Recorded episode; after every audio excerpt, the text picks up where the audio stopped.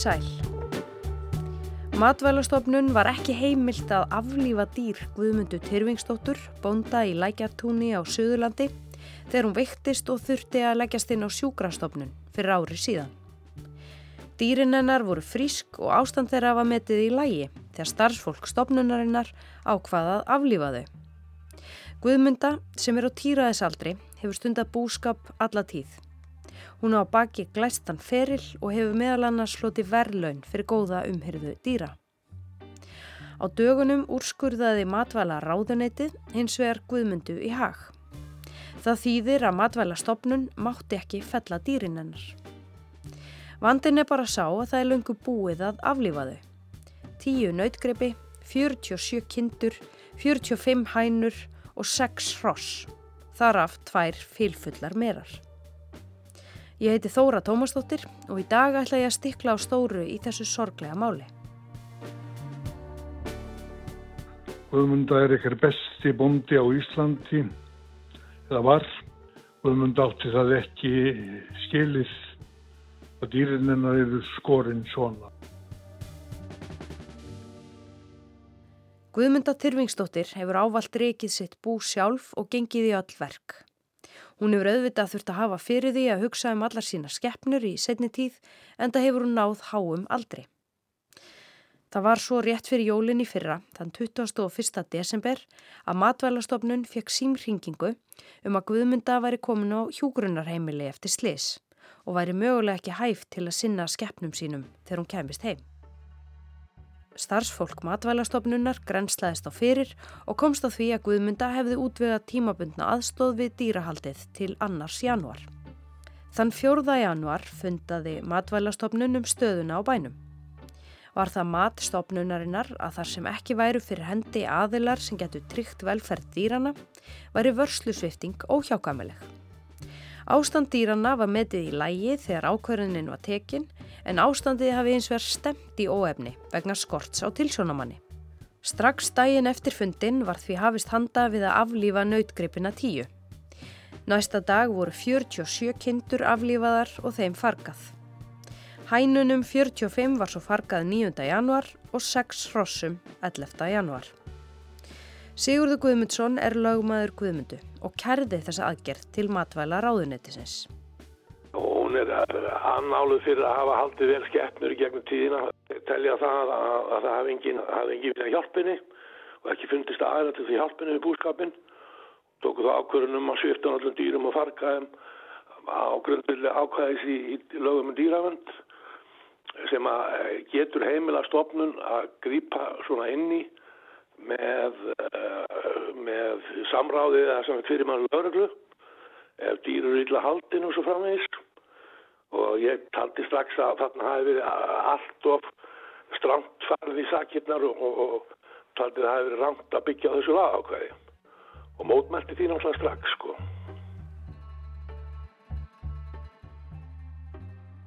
Sigurður segir Guðmundu hafa vilja fá viðurkenning á því að matvælastofnun hafi farið fram með offorsi.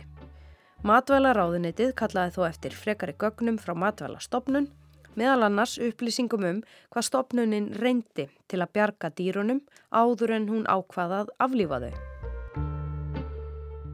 Niðurstaða matvælaráðunitisins var afdráttalauðs og í henni er talið að fjölmörg lög hafi verið brotin. Fyrst og fremst að ástand dýrana hafi ekki kallað á svo skjótar og varanlegar aðgerðir. Þá hafi aflífun dýrana farið fram á meðan Guðmunda hafi enn andmælarétt Ekki hafi verið farið að stjórnsýslulögum og fleira og fleira. Við gerð þessa þáttar þá talaði ég við fjölmarka úr sveitinni hennar Guðmundu. Nágrana og vini sem hefðu viljað rétt henni hjálparhönd til dæmis með því að fóðra dýrin hennar eða taka þau til sín. Það var meira að segja farið í undirskriftasöfnun til að sína fram á hver margir hefðu viljað hjálpa ef matvælastofnun hefði borið sig eftir því. Óætt er að segja að þeir séu margir dabrir yfir framgangi eftirlitstofnunarinnar í málunu. En svo virðist líka sem einhverjir hafi verið beittir þrýstingi um að láta það eiga sig að hjálpa Guðmundu. Sankant heimildum okkar fengu þeir nokkrir símtöl frá skildmennum Guðmundu þar sem þeir voru beðnir um að hjálpa henni ekki. Greint var frá því á vísi í januar að dæmi hafi verið um að fólk sem kom til að sinna hensnum Guðmundu hafi verið sagt að heipja sér í burtu. Guðmunda sagði þar erfiðast af öllu að skild fólk sitt stæði á bakvið það að allir gripirnir á bænum hafi verið aflífaðir. Hér er Guðbjörn, vinnur Guðmundu. Já, ég var byggðin um að hjálpa henn ekki sko, en ég afleitaði því. En við skulum bakka aðeins og spóla aftur til ársins 2011 þegar Helga Arnardóttir, fréttakona, heimsóti Guðmundu í lækjatúni. Viðtalið var sínt í Íslandi í dag. Heyrum brott. Það fer ekki mikið fyrir Guðmundu og ekki er hún há í loftinu þótt krafturinn og seglan séu til staðar svo ekki sé meira sagt. Hún er nöytsterk og hlýfir sér ekkert í bústörfunum. Hún er mætt í fjósið klukkan 6 alla morgna og morgunverkin eru svo sannarlega drjú sem inna þar rösklega af hendi. Og hvað ertu lengi í fjósinu svona að mótni til? þrjá klukkutíma eða eitthvað svo leiðis þannig að alltaf svo lítið misamt eftir, eftir hvað maður hvað maður gerir vel og maður sópar í kring og svona ymmislegt Guðni Ágústsson, fyrrum landbúnaðar á þeirra, er sveitungi Guðmundu og þekkir vel til bústarfa hennar. Hann er eitt þeirra sem telur illa á henni brotið. Ég tel þetta mikinn harmleik, mikinn harmleik að það skildi gerast. Guðmunda er ekkert besti bondi á Íslandi eða var og ég þekkti hennar búskap vel sem jólkvæðsmaður og, og vinnur kom átt til hennar. Kýrnar voru einstakar, umhyggjan var einstak fyrir dýránum. Þannig ég tel að mast hafi lendi miklu slísi að uh, ganga inn í þetta málefni. Guðmund átti það ekki skilið að dýrinnar eru skorinn svona þannig að það er mannlegur harmleikur sem að maður stáða að byggast afsökunar á. Heyru meira af umfjöllun stöðvar 2 um Guðmundu. Ég hef innilega gaman að öllum dýrum held ég. Ég hef bara sagt það. Ég finnst allt sem ég sé að líður vel að það valdi ánægju. Hvort að menn er mánu sér. Þið hefur ekkert langur til að setjast bara í helgan stein og láta aðra sjá um þetta fyrir þið? Nei.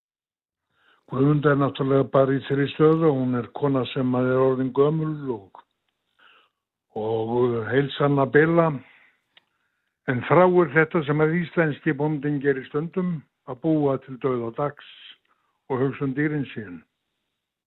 Þannig að ég harma það að sildi ekki ykkur önnur úrræði fundin, vinið til að gegna til vors eða gripi til annara úrræða að flytja dýrinennar til vinnaðinnar. Þannig að þetta var nú harmleikur í mínum huga og, og mannleg mistök. Og menn geta auðvitað í lífinu gert mistök og það gera stofnanir.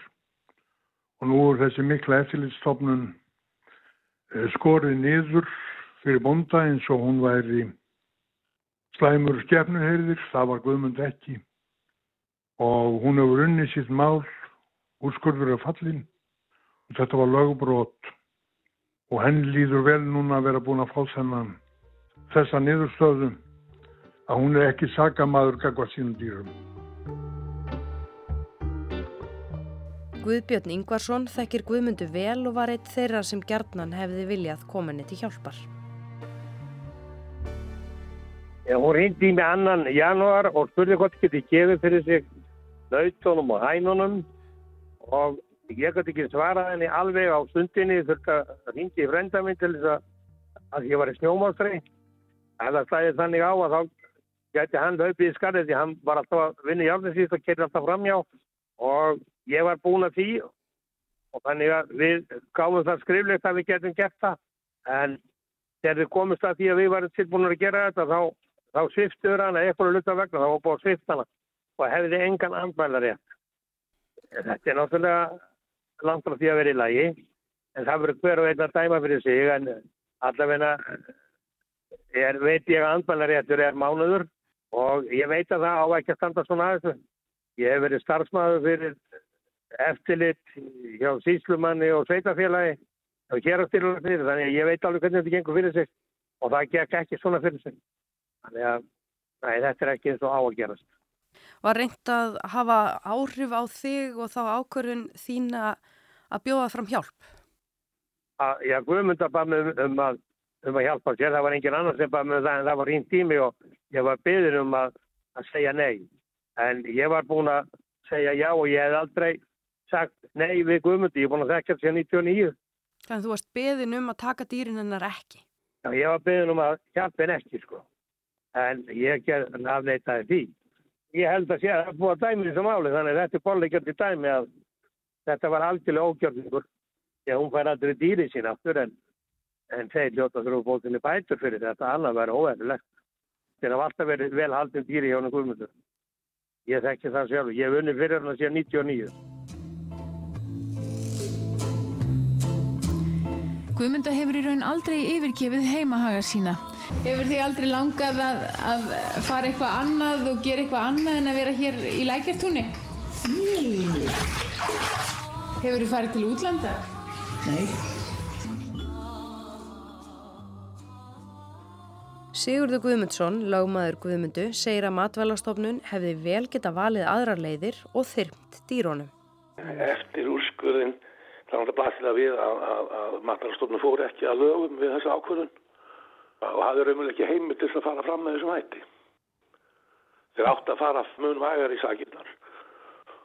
Að finna aðrar og vægari leiðir sem hefði geta gert henni kleift að ráða svona afdrifum búfjársins sjálf. En hérna, þetta nýðust að úrskurðan sem svo að, að þarna hafi bara verið með ólafmöndum hætti gengið á rétt gamanlan konu. En það stóði ekki á fólki og vinum Guðmundu að taka að sér dýrin.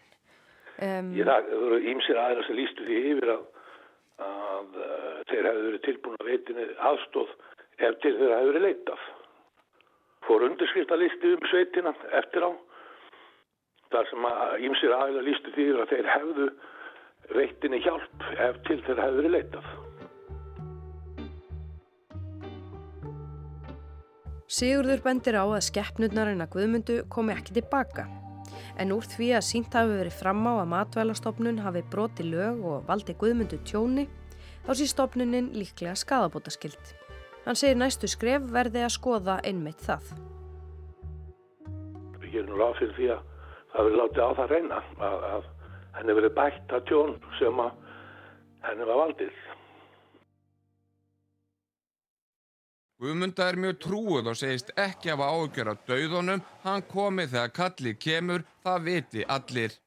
Óttastu Guð og haltu hans bóðorð, því það ákveð maður að gera.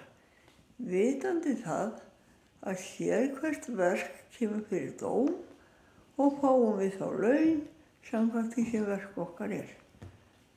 Þetta sýnist úrskup einfalt. Það er bara kærleikurinn sem þarf að ganga sigur í sósandi.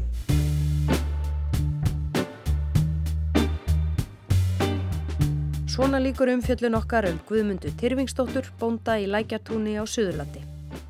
Hún varð fyrir því óláni að lenda á sjúkrastofnun fyrir ári síðan og á meðan voru öll hennar dýr, nautgripir, hross, söðfi og hænur aflífuð af matvælastofnun.